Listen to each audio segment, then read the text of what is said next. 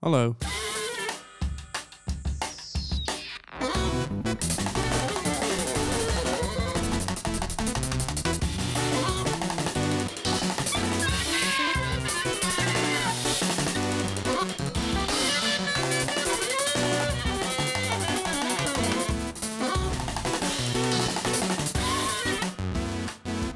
Het is 1978 en, ehm, en ik weet niet of dat het moment is dat je begint met schrijven of dat je besluit te gaan schrijven. In ieder geval is het eerste eh, wat is gepubliceerd in de selectie van je dagboek. Ondervinding is je enige leermeester. Je gras duint in ongeveer alle mogelijke stijlen. Geen enkele voldoet voor de volle 100%. Dit is een uiterst belangrijke periode. Je ontdekt wat je wilt als een kind dat speelt, volwassenen imiteert en op een gegeven moment weet wat het nodig heeft. Ja, dat is eigenlijk nog steeds mijn uitgangspunt. ja, eh, ik doe altijd alles wat in mij opkomt. Gewoon eh, wat in me opkomt, dat maak ik. Zon- Zonder verder eh, daarover na te denken. En, en eh, toen ik dat opschreef, toen had ik leraren op de academie. En die vonden dat niet integer. Die vonden dat je integer was als je één stijl steeds maar dieper en verder ontwikkelde. Maar daar hield ik helemaal niet van. Ik vond, je moet als een kind alles doen wat in je opkomt. Maar hoe kan je nou op de academie, terwijl je aan het leren bent, al meteen een duidelijke stijl hebben? Wat is dat voor onzin? Ja, ga maar naar de academie, je zal het meemaken. Ja, ik vond het de hel. Maar goed, ik deed gewoon... eh, maar ik was in verwarring, want ik dacht, moet ik nou mijn hart volgen of moet ik integer zijn? Ja, wat is nou belangrijker? Maar toen, toen, daarna ben ik echt met mijn dagboek begonnen. En ik was zo in, in, in verwarring. Ik wist zeker dat ik wilde doen wat in me opkwam, maar dat is dan niet integer. Dat is natuurlijk belachelijk, een soort paradox. Het is juist integer, toch? Ja. En trouwens, ik vind dat een kunstenaar helemaal niet integer moet zijn. Een, een, een rechter moet integer zijn en, en een politieagent. En een kunstenaar helemaal niet. Die mag liegen. en dan doet hij helemaal niemand kwaad mee. Dat is het fijne van kunst. Je kunt alles doen wat je wil. En, en je doet helemaal niemand kwaad mee. Maar uiteindelijk heb je er toch wel, heb je toch wel gedaan wat die docent zei, of niet? Helemaal niet. Ik, Je- eh, elk schilderij heeft een andere stijl. Nou ja. Maar ze hebben wel allemaal een gemene deler. Ze hebben allemaal één onderwerp. Ja, precies. En ze hebben nu zelfs allemaal één techniek. Mm. En ze hebben eigenlijk één formaat. Dus ze- ik, eigenlijk beperk ik mij in de loop van mijn leven steeds meer. Maar binnen die beperking ben ik volledig vrij. En Maar- kan alles. Ik vind sowieso Kan je niet je hart volgen en integer zijn ja, tegelijkertijd? en ben je niet gewoon een hele integere man geworden met de jaren eigenlijk? Eh, en in het dagelijks leven als eh, eh, huisvader en burger van Nederland ben ik heel erg integer. Maar als kunstenaar ben ik een anarchist. Kan je ook een integere anarchist zijn? Die zijn hart volgt? Ja, Jezus Christus. nou, ik heb geen filosofie gestudeerd, dus dat weet ik niet. Nou, Nou. je zit er wel diep in. Ja. Maar ook weer één filosoof waar je dan heel diep in duikt. hè? Ja, alles één. Hoe heet hij ook alweer? Schopenhauer. Oh ja. Schopenhauer. Ik heb nog een verrassing voor jullie. Hè? Oh? Oh? Oh ja, ja, ja, ja. Ja, de ja, reden ja. dat we hier zitten. Ja, dat gaan we even uitleggen. Ja. Steven en ik ma- maken een aantal eh, verschillende podcasts. En in, in een van die eh, shows hadden we het over kunst. En toen eh, werd er geroepen... Philip Akkerman is de big boss. Ja. En Het is een podcast samen met eh Pepijn Lane en uh, Yusuf. ja, Knaui. Nou, ja. En ehm, toen werd er al snel contact gelegd tussen Kamp Akkerman en eh, Kamp Podcast Boys. Wie heeft dit gezegd? Eh, ik kom met een dagboek en eh, die quote moet achterop. En eh, ja, wij zijn natuurlijk gewoon keiharde zakenmannen. Dus we hebben het helemaal uitonderhandeld. eh Philip proberen uit te knijpen. Eerst bij zijn zoon geprobeerd. Ja, die gaf echt niet thuis. Die moet je dichtbij houden, die jongen. Ja, die moet zien, dat is een goeie, die dat is moet een je- goeie. Die moet je heel het. dichtbij houden. Ja. Want, eh, hij, hij wou eigenlijk, zei ja, ik ga kijken wat ik voor je kan regelen. Sowieso geen korting, want het, het gaat over mijn eigen erfenis. Weet je. Meteen al. Ja. Uiteindelijk kregen we Philip zover dat hij, eh, dat hij ons ging schilderen eigenlijk. En dat is, dat is zeer, zeer, zeer uniek. Ja, Want eh, hoe lang eh, schilder en teken je nu al enkel en alleen jezelf? Jeetje, sinds 1981. Dat is dus drie jaar na het integriteitsvraagstuk. Ja, en bijna 40 jaar. ja zoiets ja. Dus al bijna 40 jaar hetzelfde formaat, hetzelfde onderwerp. En nu eh, de- stevast zelfs ook dezelfde techniek. Maar je hebt speciaal voor ons een uitstapje gemaakt. Je wilde een keer mooie mannen schilderen. Frisse gezichten, een leuke blik.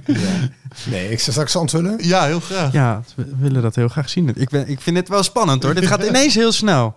Ik heb hier lang, we hebben hier lang op Er hangt gewacht. een eh, wit doek. Wit er, worden, doek er, er worden clipjes van afgepakt. eh, zilverkleurige clipjes.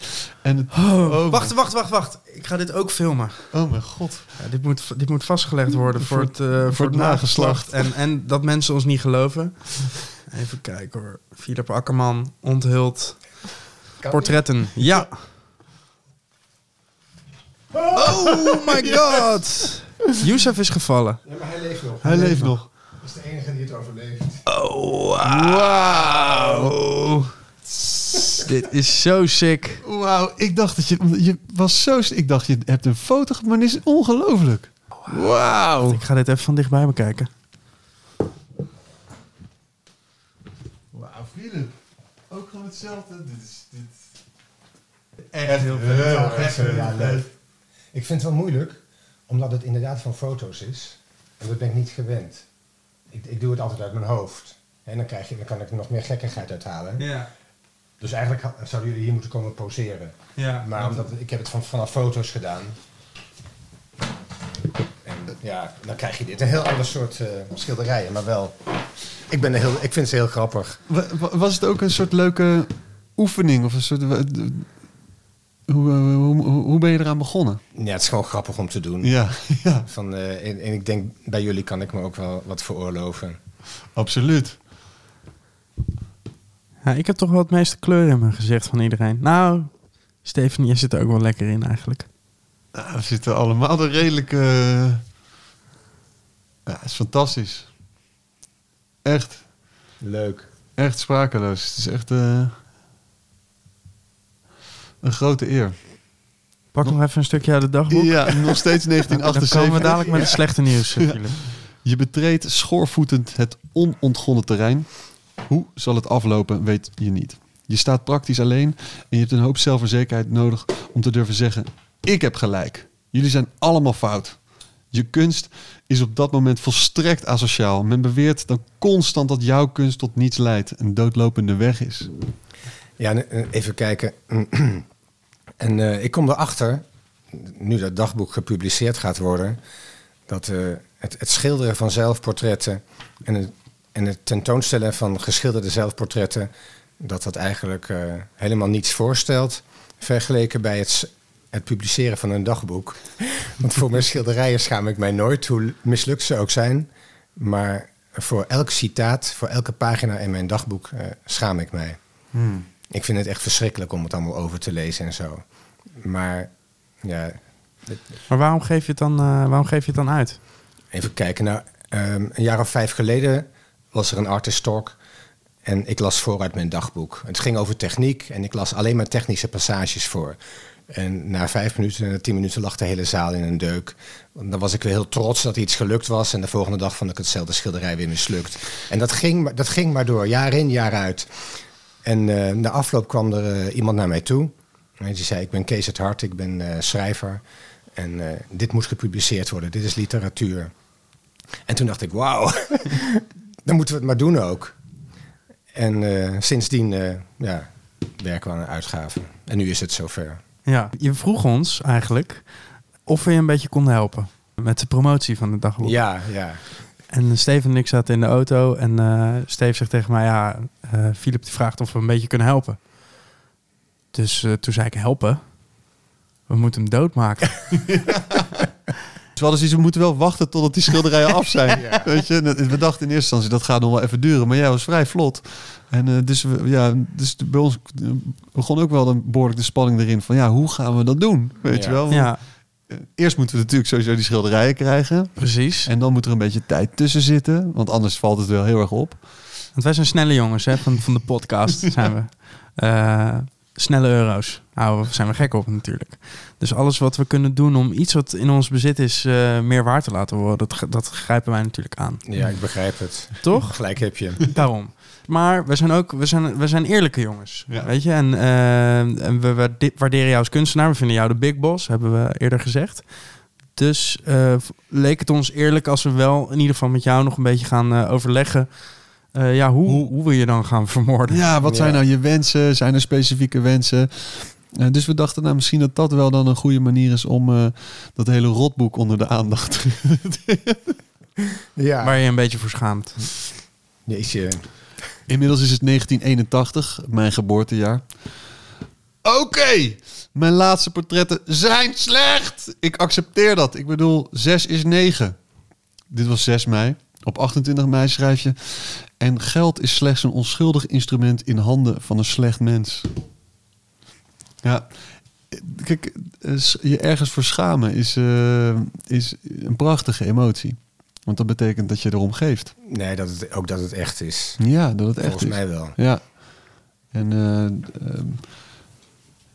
ja, het, is, het, is, het is sowieso echt een heerlijk boekje om gewoon doorheen te bladeren. En eigenlijk af en toe een, zin te lezen. Want um, in 82 schrijf je bijvoorbeeld... God voor de kut, kanker, kleren, klap, tyfus, klap... gottende, verkankerde, koppende skotten, et cetera, et cetera.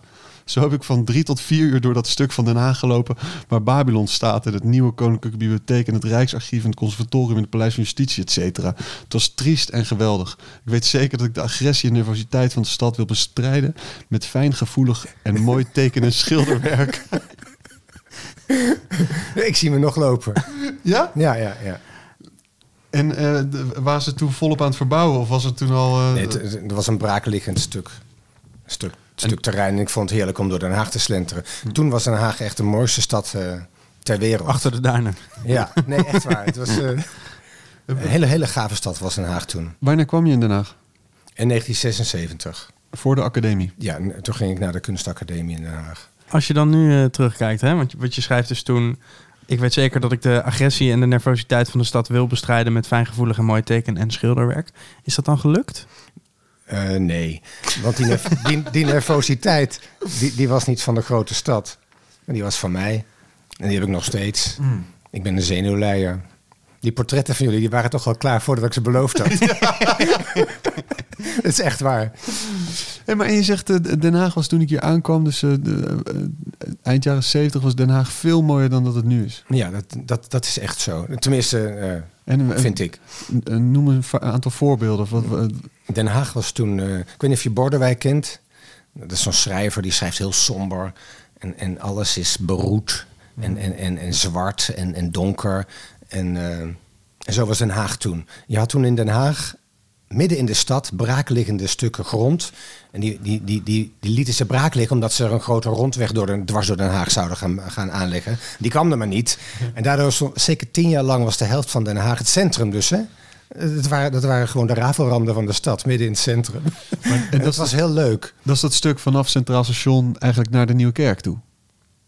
Daaromheen. Daaromheen ook. Ook, ook die oude wijken. Eh, gewoon ja, hoe moet je het zeggen? De paviljoensgracht heet dat zo? Ja, ja, ja precies. links en rechts daarvan was het... En nu staan daar hele brave huisjes allemaal. Maar het was, dat was gewoon kaalslag. En, en die gebouwen waren ook allemaal, laten we zeggen, aan het verpieteren en, en, en het vervallen.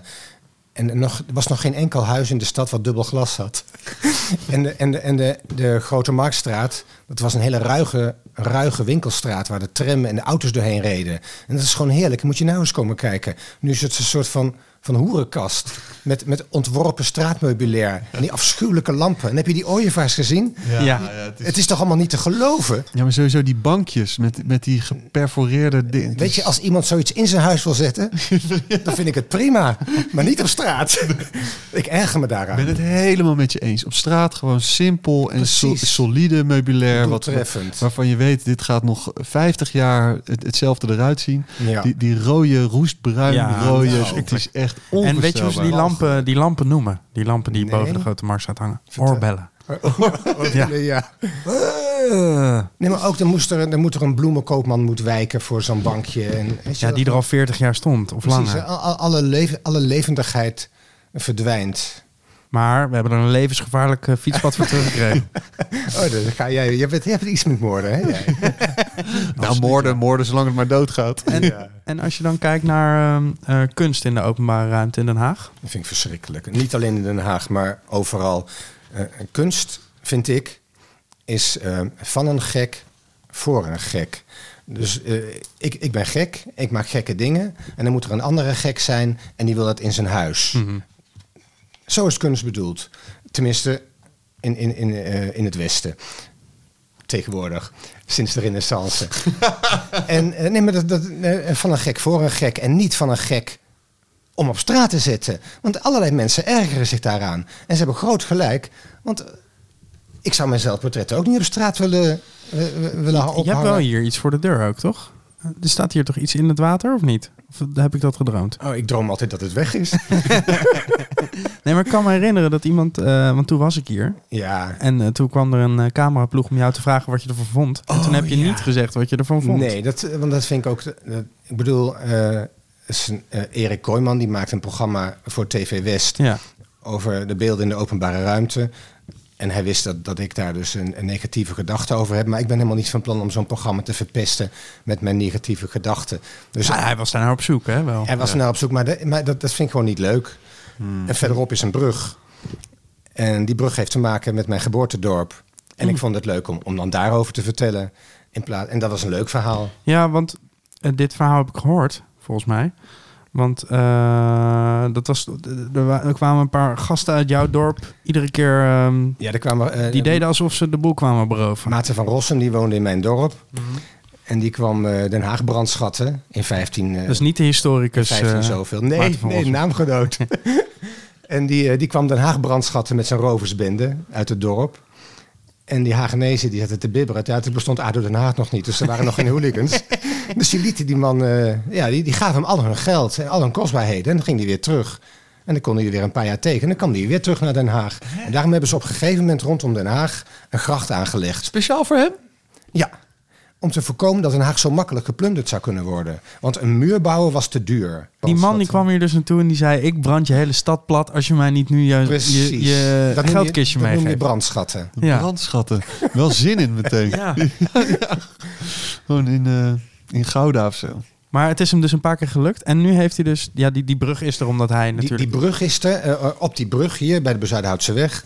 Daar staan de, de architect en de plannenmaker voor die single rondom Den Haag.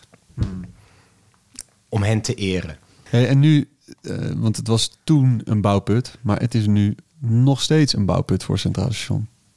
Ja, dat is zo. Mm. Kom je er nog graag? Nou, ja, weet je wat het ook is? Ik kwam uit een dorp en ik ging naar de stad en alles was nieuw. En ik was zelf jong. Dus je, dan ben je zelf mooi, maar je vindt ook alles mooi. Of op de een of andere manier. Dus ik vond die vervallen stad mooi. Maar nu woon ik hier al 45 jaar. En dan, dan, ga je, dan gaat het een beetje slijten. Dat, het wordt een beetje vanzelfsprekend, zo'n stad. Dus nou heb ik ook niet meer die verwondering die ik had als, als puber. Snap je? Toen vond ik alles prachtig en, en nu vind ik het gewoon. Den Haag, een gewone stad. En soms, heel soms in de motregen of in de schemering, dan komt het weer terug en dan vind ik het weer waanzinnig mooi. Waarom dan? Ja, dat weet ik niet. Dat, dat zal met, met mijn karakter te maken hebben. Je bent gek op motregen. Eh, beauty is in the eye of the beholder. Maar zie je jezelf als iemand die ehm, geniet van de, het grauwe, ge- geniet van het bedompte, van het gesluierde? Ja, een beetje wel. Mm. Als het een beetje triest is, dat, dat vind ik toch wel mooier. Dat vind ik fijner dan als iets nieuw en fris is. Dat, en dat is ook wel, nou net iets, een gedachte die ermee te maken had. Nou, met de moord op Philip Akkerman. Ik heb ook een heleboel missen van Requiem. Dat is allemaal een beetje triestig, weet je wel? Een beetje droevig. En dat vind ik gewoon mooier dan, dan het optimistische. En dat we hier van, heel- van een fijne eh, toekomst die ze willen opbouwen of zo. Dat, dat geloof ik allemaal niet zo. Je gelooft niet in een fijne toekomst dat die opgebouwd ik, kan Nee, worden? ik geloof niet in, in die communistische heilstaat of, of in eh, het hiernamaals waarin alles een paradijs is en zo. Dat, dat vind ik allemaal heel stom. Dat vind ik allemaal, vind ik allemaal leugens. Mm. Want het, het, het wordt nooit geweldig. Op 16 december eh, 1983 vraag je jezelf af... zou er een kleur bestaan waarvan wij het bestaan niet bevroeden? Ja, ehm, dat is eh, zonder meer waar. En, en eh, daarmee loop ik al vooruit op Arthur Schopenhauer, die ik tien jaar daarna ga lezen. en die, die, die zegt, we kunnen de wereld alleen maar waarnemen met, eh, met ons verstand. Mm. Eh, hoe de wereld is zonder ons verstand, dat weten wij niet. Dus eh, onze ogen en onze hersenen schotelen ons een aantal kleuren voor. Maar misschien zijn er in, zonder onze hersenen en zonder onze ogen wel veel, andere, veel meer andere kleuren. Dat weten we. Wij weten helemaal niks. Hoe de wereld echt is, hoe het bestaan echt is, dat weten wij niet. Wij weten alleen hoe de wereld is met, met het gereedschap. Hoe het eruit ziet met het gereedschap van ons verstand. Maar buiten het, het, het stellen van die vraag, is het iets wat je hebt kunnen benaderen op de een of andere manier? Met je eigen geest? Die andere kleur? Nee, dat, dat kan dus niet. Nee. Dat is gek, toch? Ik probeer wel eens een, eh, een naam te verzinnen voor een eh, nieuwe kleur. Daar kom ik ook niet uit. Dan ga ik toch altijd een paar kleuren door elkaar heen gooien. Ja, precies. Ja, het, het gekke is dat uh, duiven schijnen veel meer kleuren te zien dan... Uh... Ja, maar hoe weten ze dat nou? Ja, dat, Ik ja, ja, dat vind ik ook zoiets. nou, ze hebben het aan een aantal duiven gevraagd. En die knikten de hele tijd in stemmen. Dat is een grap. Nee, nee, nee, nee, nee, dat verzin ik erbij. Maar eh, het, het schijnt dat duiven veel meer receptoren hebben in hun ogen dan mensen. Dus dan gaan ze vanuit dat die meer kleuren. Misschien zijn het alleen meer schakeringen. De mens ziet veel meer groen, veel meer schakeringen groen dan andere kleuren. Vind ik ook bizar. Hoe kunnen ze dat nou weten? Ja, Toch is het zo. ik vind, ik vind het heel ingewikkeld worden, jongens. Ehm, laten we even teruggaan naar eh, waar we hiervoor zijn gekomen. Ja. Eh, Ja. We komen je doodmaken natuurlijk. Ja, laten we, dat, we, we moeten een beetje dat zwarte randje eromheen houden. Ja. Anders dan eh, wordt het Arie Lex Philip. Ben jij op zoek naar een quick swift, een snelle, snelle korte dood? Of lekker langdradig? Een beetje miserig. ja, ik ben wel een lafaard. Bij de tandarts laat ik me altijd verdoven voor het lulligste gaatje. Helemaal? Maar, maar ik vind het wel goed om, om langzaam te sterven en je bewust te zijn dat het gebeurt. Dat is, beter, dat is veel beter en veel verstandiger dan, eh, dan een snelle plotselinge dood. Daar heb je eigenlijk helemaal niets aan. Nou, daar heb je zelf wel wat aan. Maar je, voor je nabestaanden, Nee, daar heb je zelf ook niets aan.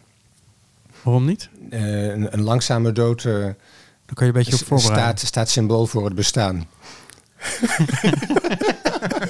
en het doel van het. eh, ik, ik, ik ben erachter gekomen dat, dat het doel van het bestaan het maken van een zelfportret is.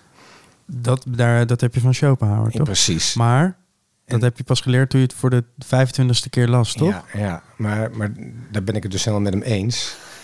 en je kan het bestaan beter leren kennen als je pijn hebt. Want je realiseert je pas dat je een knie hebt als hij pijn doet. Als hij geen pijn doet, realiseer je niet dat je een knie hebt. Dus dat geldt ook voor het bestaan.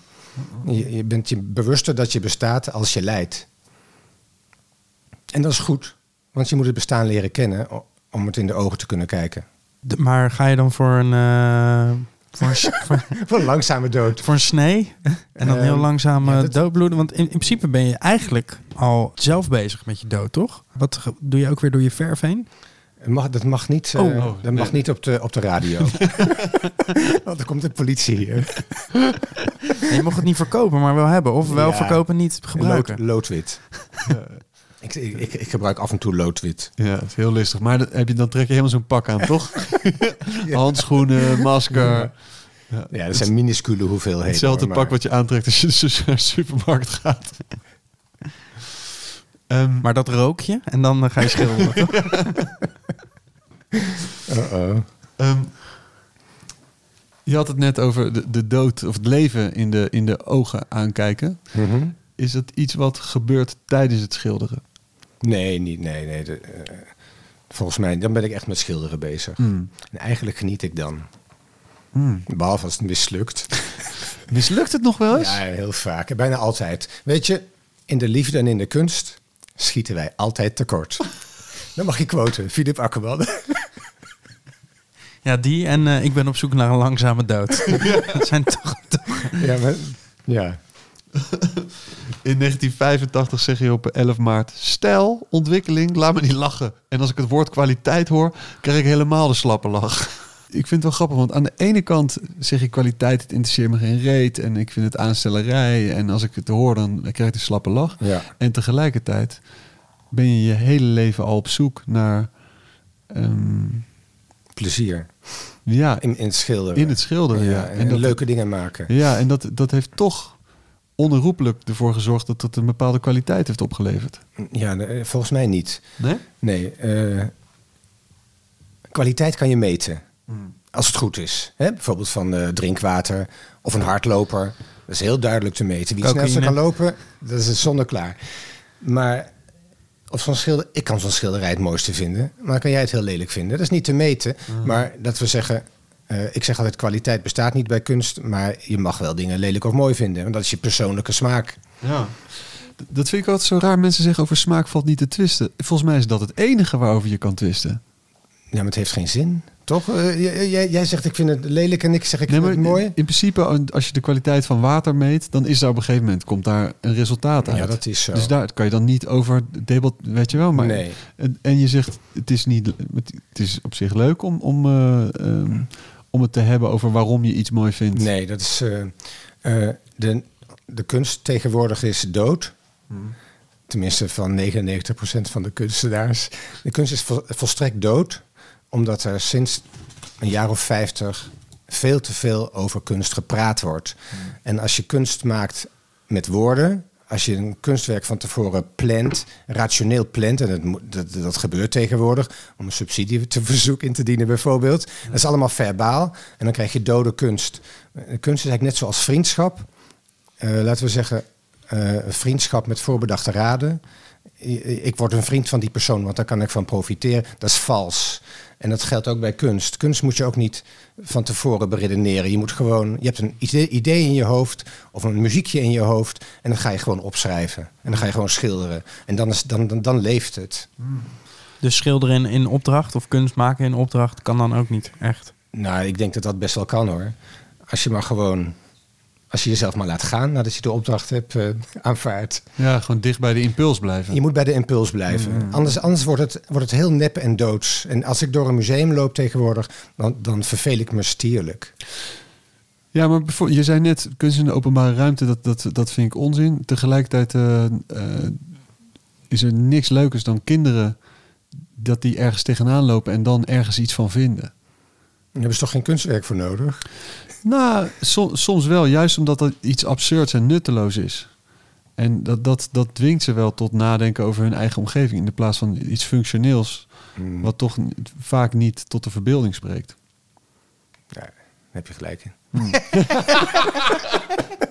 ja, ik, ik weet niet wat ik daarop moet zeggen. Nee, sorry. dat, nee dat, dat, dat snap ik. Kijk, ik ben het helemaal met je eens. Dat, dat oeverloze gelul over kunst. Laten we het, laten we het nu weer even lekker over jouw dood hebben. Ehm, kijk, we kunnen in ieder geval een aantal opties geven. Een Stanley mes is één optie. Ehm, we hangen je op aan je voeten. En dan beginnen we langzaam kleine stukjes open te snijden. Ehm, Nu wordt het luguber, hè? ja. Het doet me ergens aan denken. Philip staat op en begint driftig door een eh, kaart Door zijn aanzichtkaarten. zijn fijne selectie ansichtkaarten heen te Eh, misschien shuffelen. ook wel even goed om uit te leggen dat Philip hem een eh, overhemd aan heeft getrokken met doodskoppen erop. Voor de gelegenheid. Toen Justin binnenkwam, zei hij: Dit, dit, ah, dit overhemd vraagt om bloedspetters. Ja, de gevangen poort. Dat is heel leuk. Yes. Eh, daar staan natuurlijk allemaal hele lelijke martel, eh, marteltuigen. De vrouwenkamer hadden die, een- hadden die een eigen kamer. Blijkbaar. Lu- luxe poezen. Foto van J.G. Happel. De ijzeren kamer heb ik hier. Pijnkelder de drup. Oeh, Oeh. dat is een beetje... Die is heavy ook. Ze zijn ook mooi, hè, die foto's. Net alsof ze inderdaad in die tijd in 1500 ge- ge- opgenomen zijn. Of. Ja, alsof het eh, gefotografeerd zijn. bijna alsof het gravures zijn. Het is een oude kaart. hè. 1938, 31 mei 38. The cells in the prison. The rear cells are pitch dark. Staat op de achterkant. The rear cells are pitch dark. Dat is top. En, eh, het vuur aan de schenen leggen, de Nee, pispaal, alles is daar, ja. alles is daar toch nog? Ja, nee, Ja, eh, ja, ja, ja. ik ben het is lang geleden dat ik er binnen was hoor. Maar ja, want het vuur aan de schenen leggen, dat komt, plek. dat komt ergens vandaan, toch? Ja, dan maakten ze gewoon een vuur. Dan hingen ze erboven, echt met je schenen boven het vuur. ja, verschrikkelijk. Ja, Ja. dat is echt... Nee, weet je waar ik voor ben? Executio in effigie heb ik eens een keer ergens gelezen. En dat ze eh, bij afwezigheid van een eh, moordenaar... dat ze zijn geschilderde portret aan de gallen gingen. Laten we dat met mij doen. Wauw. Wat? Ja, vroeger, Ja.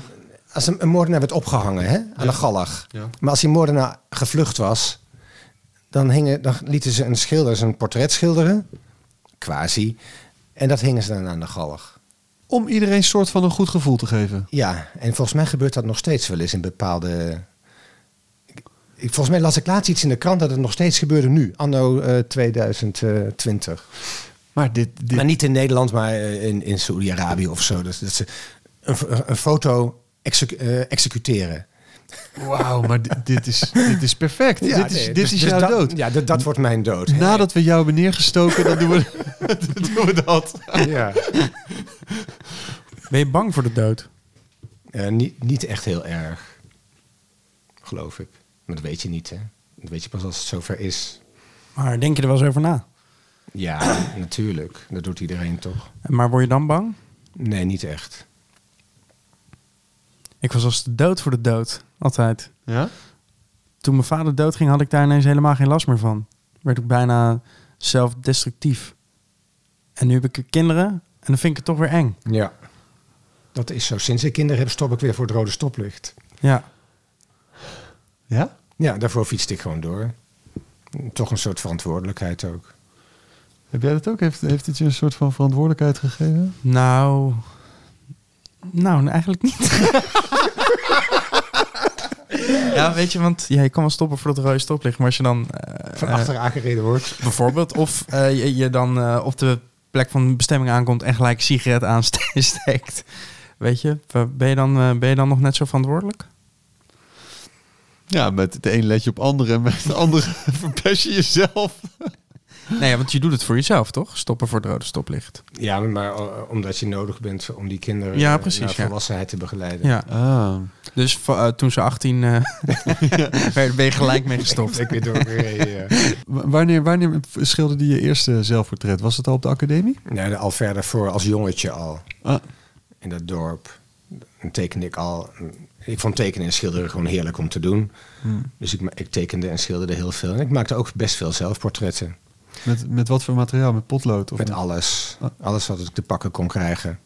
En toen ging ik naar eh, de kunstacademie. En toen ging ik, was ik geïnteresseerd in de hedendaagse kunst. dat vond ik echt veel spannender. En dat was ook heel erg leuk. Maar op een gegeven moment, na een jaar of vier, vijf, na drie, vier... Ik zat nog steeds op die academie, alleen op een andere academie in Haarlem. eh, exclusief voor moderne kunst. Eh, nou, ik moet eens even... Waarom lag je daar zo bij? Exclusief Nou, voor moderne Nee, ik, het is wel een leuk verhaal hoor. Ik ging naar de academie in Den Haag. En ehm, er waren een aantal klasgenoten. Het was echt een hele leuke klas waar ik in zat. En het was heel stimulerend. En, en we waren, werden geïnteresseerd in hedendaagse kunst en tijdschriften lezen, galeries, musea, alles bezoeken. En ehm, toen op een gegeven moment zeiden die leraren op die academie, of een aantal daarvan in ieder geval, wat jullie doen jongens, dat, dat doe maar op je zolderkamertje, maar hier moet je doen wat wij zeggen. En toen besloten we hem van de academie af te gaan. En we gingen naar de ateliers 63, want daar, eh, daar kon alles. En daar kon ook alles. Behalve toen ik zelf portretten begon te schilderen. Toen zeiden ze letter te- letterlijk tegen me, doe dat maar op je zolderkamertje. En toen wist ik natuurlijk wel dat ik beet had. Ja, Maar hoe kwamen we er ook weer bij? Oh, wanneer ik mijn eerste zelf... Ja, Ja, ja. eh, op die ateliers 63 op een gegeven moment... eh, was die betovering van dat, van dat moderne en dat hedendaagse en dat nieuwe, dat, dat, dat was weg.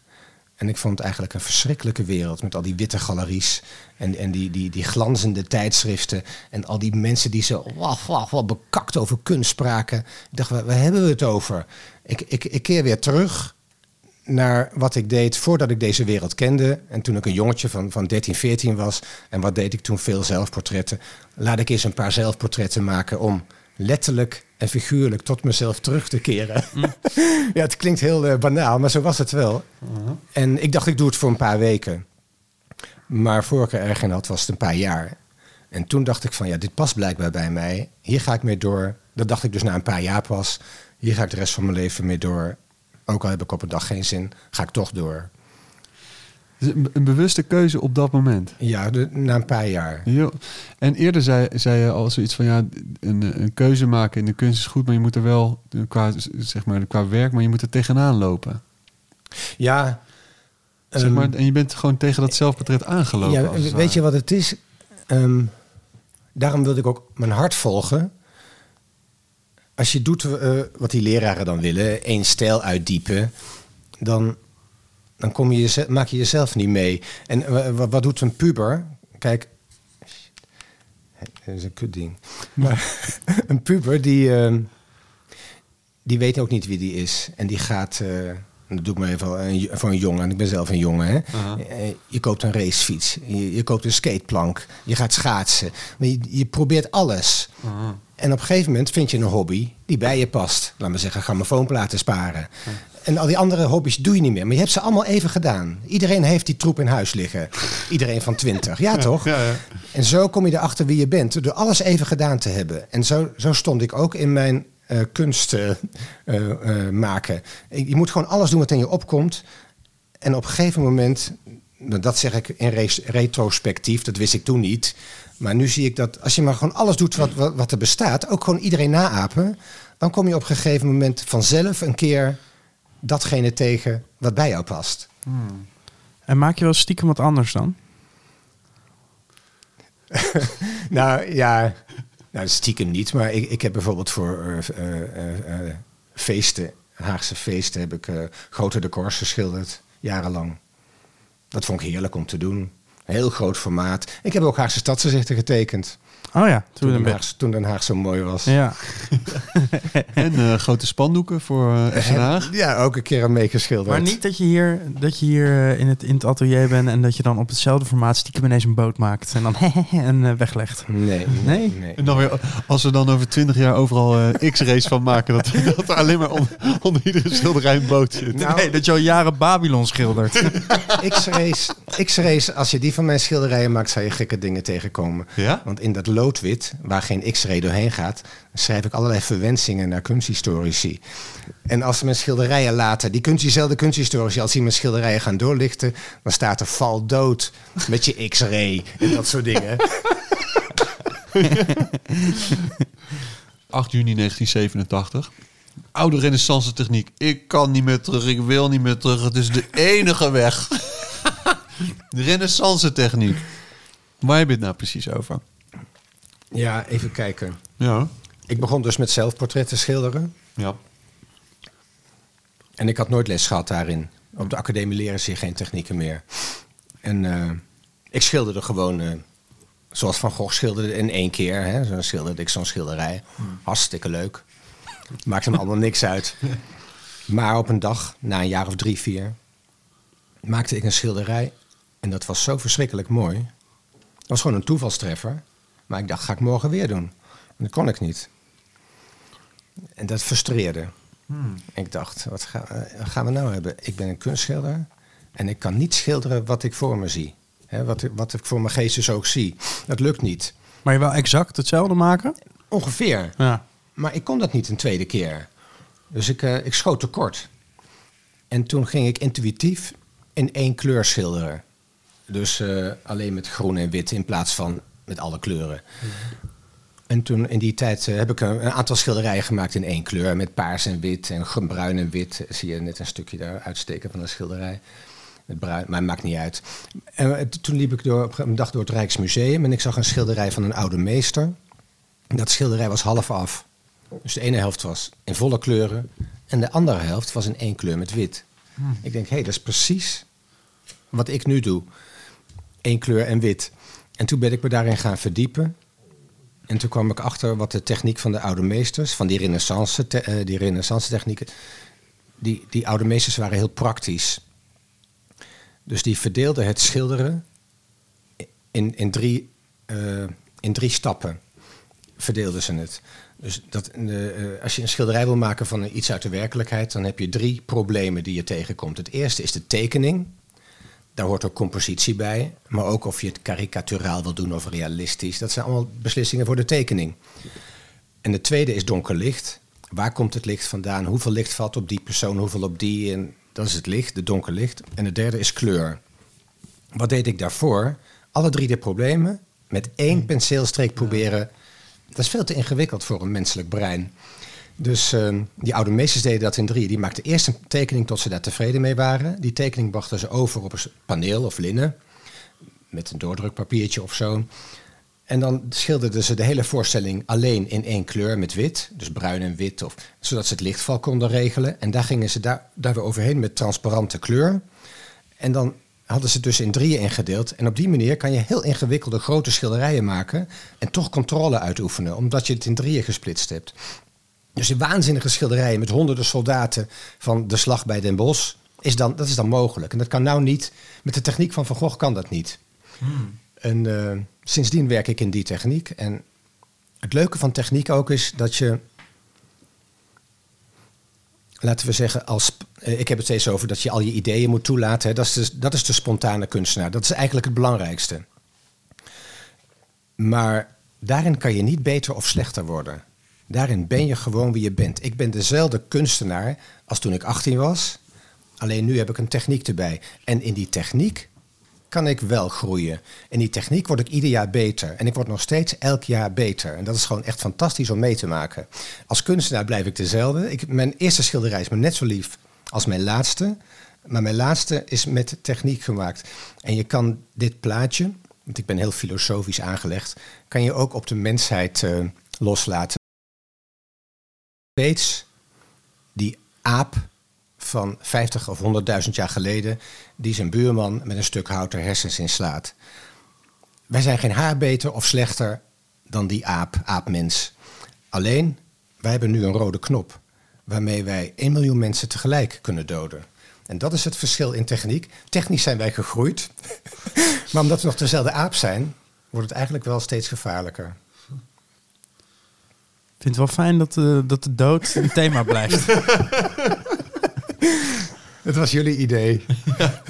Maar je zei heel snel ja, ja hoor. Heel snel. Eigenlijk voordat we het voor hadden gesteld. het, het past. Ja.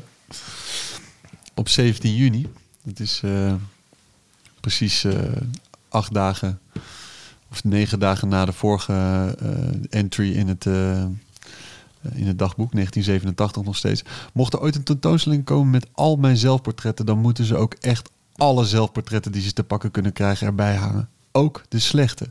En je had het er net al over, over dat de eerste en de laatste je even lief zijn. Uh, in hoeverre, ja, goed of slecht is natuurlijk een, een, een lastig ding. Maar en tegelijkertijd is dat ook, degene die het ziet, die ziet waarschijnlijk ook iets anders.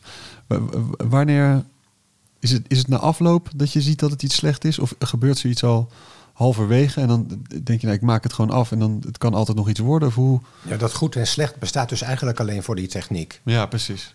En Ja. voor je smaak, maar die verandert. Ja, ja. Een schilderij wat ik laten we zeggen, een jaar geleden gemaakt heb, vond ik het toen lelijk, vind ik nu mooi. Dat kan gebeuren, maar dat is dan weer dat rare smaakding. Maar technisch kan je wel, dat is wel heel frustrerend als je iets probeert eh, na te streven in technisch opzicht Mhm. en dat mislukt alsmaar. En dan moet je eigenlijk moet je experimenten doen. En er zijn geen leraren die je dat kunnen leren, die zijn allemaal dood, al eh, 400 jaar. En, ik, en ik, ik heb, dat is ook een leuk verhaal. Ik heb eh, allemaal boeken gelezen in de bibliotheek en gekocht ook in eh tweedehands boekenwinkels over die oude techniek. Maar eh, als je een kookboek koopt, dan staat daarin eh kookte aardappelen 20 minuten. Staat niet bij waarin. Want dat weet iedereen. Dus als ik die oude technische boeken lees, dan staan er alleen maar oppervlakkige dingen in. Maar wat ik echt moet leren, dat staat er niet in, want dat wist iedereen toen al. Snap je? Dat was, dat was vanzelfsprekende kennis. Dus ik heb niks aan die boeken.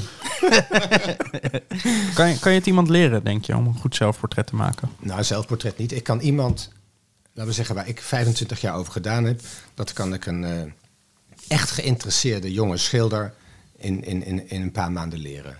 In een paar weken zelfs. En gebeurt dat wel eens? Nou, heel sporadisch. Mensen zijn niet echt in eh, schilderkunst geïnteresseerd tegenwoordig. Is het een uitstervend eh, beroep? Dat zou best eens kunnen. En daar heb ik ook weer een theorie over. De schilderkunst is de kunstvorm van het vrije individu, van de anarchie, van de, van de gek. En eh, je had vroeger dan eh, de middeleeuwen, dat was dan, een, laten we zeggen, een, een, een totalitaire eh, cultuur, heet zoiets. Ja. Eh, de, de paus en de adelen. En de adel die had het voor het zeggen. En de kunstenaars moesten maar doen wat die zeiden.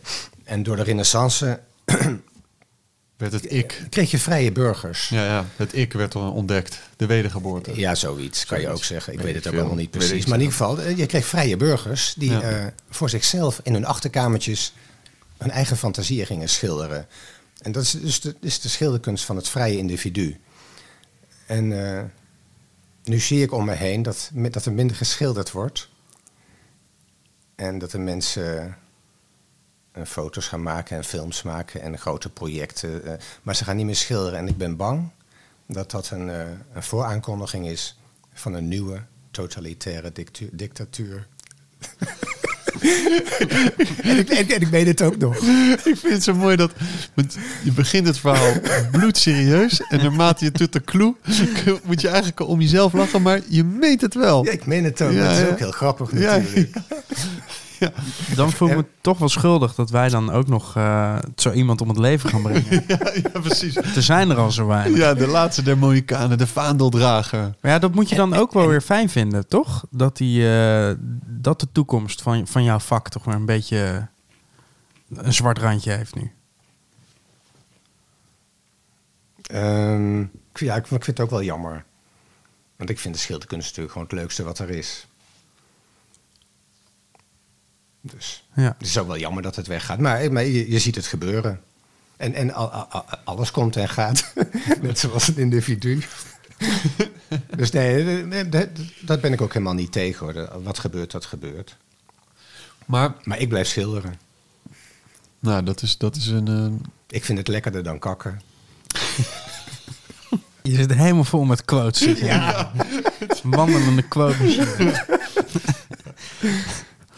Schilder je wel eens van die quotes, of niet? Weet je, zo, zoals Ruud de Wild. Rock. Fire. En die schijnt te schilderen, hè? ja. Ja, Ja, daar weet ik niks van. nee. Ik heb het alleen gehoord. hou zo. Ja. Nou ja, als die man schildert, is Nee, het toch tuurlijk. heerlijk, Ja. weet je wel. Maar eh, Hij vindt het lekkerder dan kakken, zegt hij altijd.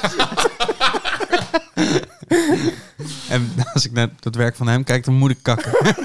Nou, nog een leuk verhaal. Ik kom op de markt iedere zaterdag sinds eh, eh, een aantal ma- marktkooplui. Eh, de de firma Goedman in Den Haag, een, een bekende kunstenaarsbenodigdhedenwinkel, die ging failliet. De zoon ging later met de zaak door, maar de, de oorspronkelijke winkel ging failliet. En eh, twee marktkooplui hadden de inboedel gekocht. Dus elke vrijdag en zaterdag stond ik om zeven uur, of als, de markt open ging, bij die kraam. En dan kocht ik van de habbekrats de mooiste spulletjes. een goed be- bewaard geheim. ja, nee, dat is, dat is eh, twintig jaar geleden. Ah, oké, oké. Eh, maar sindsdien ben ik ben die mannen leren kennen. Ze zijn een soort vrienden geworden. En ik kom er nu iedere zaterdag. En, eh, Ze staan nog steeds op de Ze markt. zijn nog steeds op de markt, maar die goedmanspullen zijn al lang verkocht. Maar eh, een van die mannen die zei een keer tegen mij... eh, een vriend van ons die begint een zaak dat hij foto's, grote foto's op panelen bedrukt. En die moet oefenen. Filip, mogen wij een, eh, foto's van jouw zelfportretten? Dat vinden we leuk. En laten we dan op de wc-deur plakken. En dat hebben ze gedaan. Dus er is een, is een wc-deur in Den Haag, helemaal beplakt met een foto van, met zo'n met een- zo'n poster, enorme poster, met allemaal, allemaal mijn zelfportretten. maar nou komt het volgende, dan gebeurt het volgende. Een andere vriend van mij, die zit met zijn vrouw op het strand. En eh, ze ra- raakt aan de praat met, eh, met de vrouw van die marktkoopman. Die elkaar niet kenden hoor. Ze raken gewoon aan de praat. En eh, ja, ik heb dat en dat, eh, dat verkoop ik. En eh, nou, als je bij me thuis komt, eh, eh, oude spulletjes kan je dan bij me kopen. En eh, dus die, die vrouw van die vriend, die ging naar die vrouw van die marktkoopman om, eh, om eh, spulletje, die spulletjes te, eh, te kopen en te betalen. En die zegt, mag ik even naar het toilet? en die vrouw van die vriend die gaat naar het toilet. En ze doet de deur dicht en dan hoort ze een akelige gil. Ah! Philip Akkerman op de wc! Dat was, dit was natuurlijk het laatste wat ze verwachtte. En nu nog de, de meest pregnante vraag. eh, moest ze kakken of gewoon... Ik, ik denk dat ze de diarree kreeg. Wauw. Ja, wat, waar gebeurd. wat een eh, samenloop van... eh, Dat kan je niet verzinnen, toch? nee, nee, nee. Dat is echt ongelooflijk. Adviseer je ons dan eh, indirect om eh, onze portretten ook op het toilet te hangen? Nou, je, in ieder geval niet in de slaapkamer. Filip, ben je er inmiddels over uit met wat voor soort eh, roestig, ge- gekarteld of geslepen voorwerpen jou mogen, mogen helpen naar een plek waar we niet weten wat het precies is? Volgens mij had ik zojuist een oplossing, of niet? Ja, dat schilderij. Oh ja, dat was het. ja, Ja, dat een. Ja, dat vond ik ook een goeie. Maar, maar wel dat we je eerst, eerst vermoorden en dat alsnog met dat schilderij symbolisch. Want, Nee, laten we bij het ophangen van het schilderij eh, houden. Oh, Oké, dus Ja. dat. Oké, oké, oké. Nou, dan, dan kunnen we misschien nog wel een mooi beeld. eh, misschien is het wel mooi om, om daar een, een, een seance. eh, We gaan gewoon eh, het mooiste kruispunt van Den Haag. Dat is bij Johan Maasbach. Ho, ho, ho, stop. Je gaat nu, loopt nu op de zaken vooruit. ja, want de locatie is dus iets voor de volgende dit, dit aflevering. knippen we eruit. Oh, oh. Ja. Dit is, ja, ja, ja, ja, ja, ja. ja. In de volgende aflevering gaan we het over de locatie hebben. ja eh, eh, Waar kunnen we je boek krijgen, Filip? Want we moeten ook niet vergeten dat we zijn dus aan het vermoorden... en ook tegelijkertijd je dagboek aan het eh, promoten. Ja. Hoe komen we eraan? Is dat bij jou op de website gewoon? eh, gaat dan echt nee, al die... het- het is een echte uitgever. Ja, Dus het is bij die uitgever zelf te bestellen. NAI 010. En, eh, NAI 010? NAI 010, dat is de uitgever. Oké. Daar kan je het bestellen. Via hun website. Maar ik denk dat het ook wel via, hoe heet dat, bol.com of, of dat soort dingen te koop zal zijn. En, Ja. in, en in de betere boekwinkel. Zeker. Philip Akkerman, kunstenaarsdagboek. We sluiten af met een eh, prachtig eh, stukje van eh, 13 oktober 1988. Teleurgesteld ben ik wel in de kunstwereld. Bijna iedereen is dom. Een enkeling loopt niet met de kudde mee. De meesten hebben smaak nog visie. Ik vind het toch wel bitter, maar er is niets aan te doen. Zelf doorgaan is alles wat je kan doen. De schouders eronder.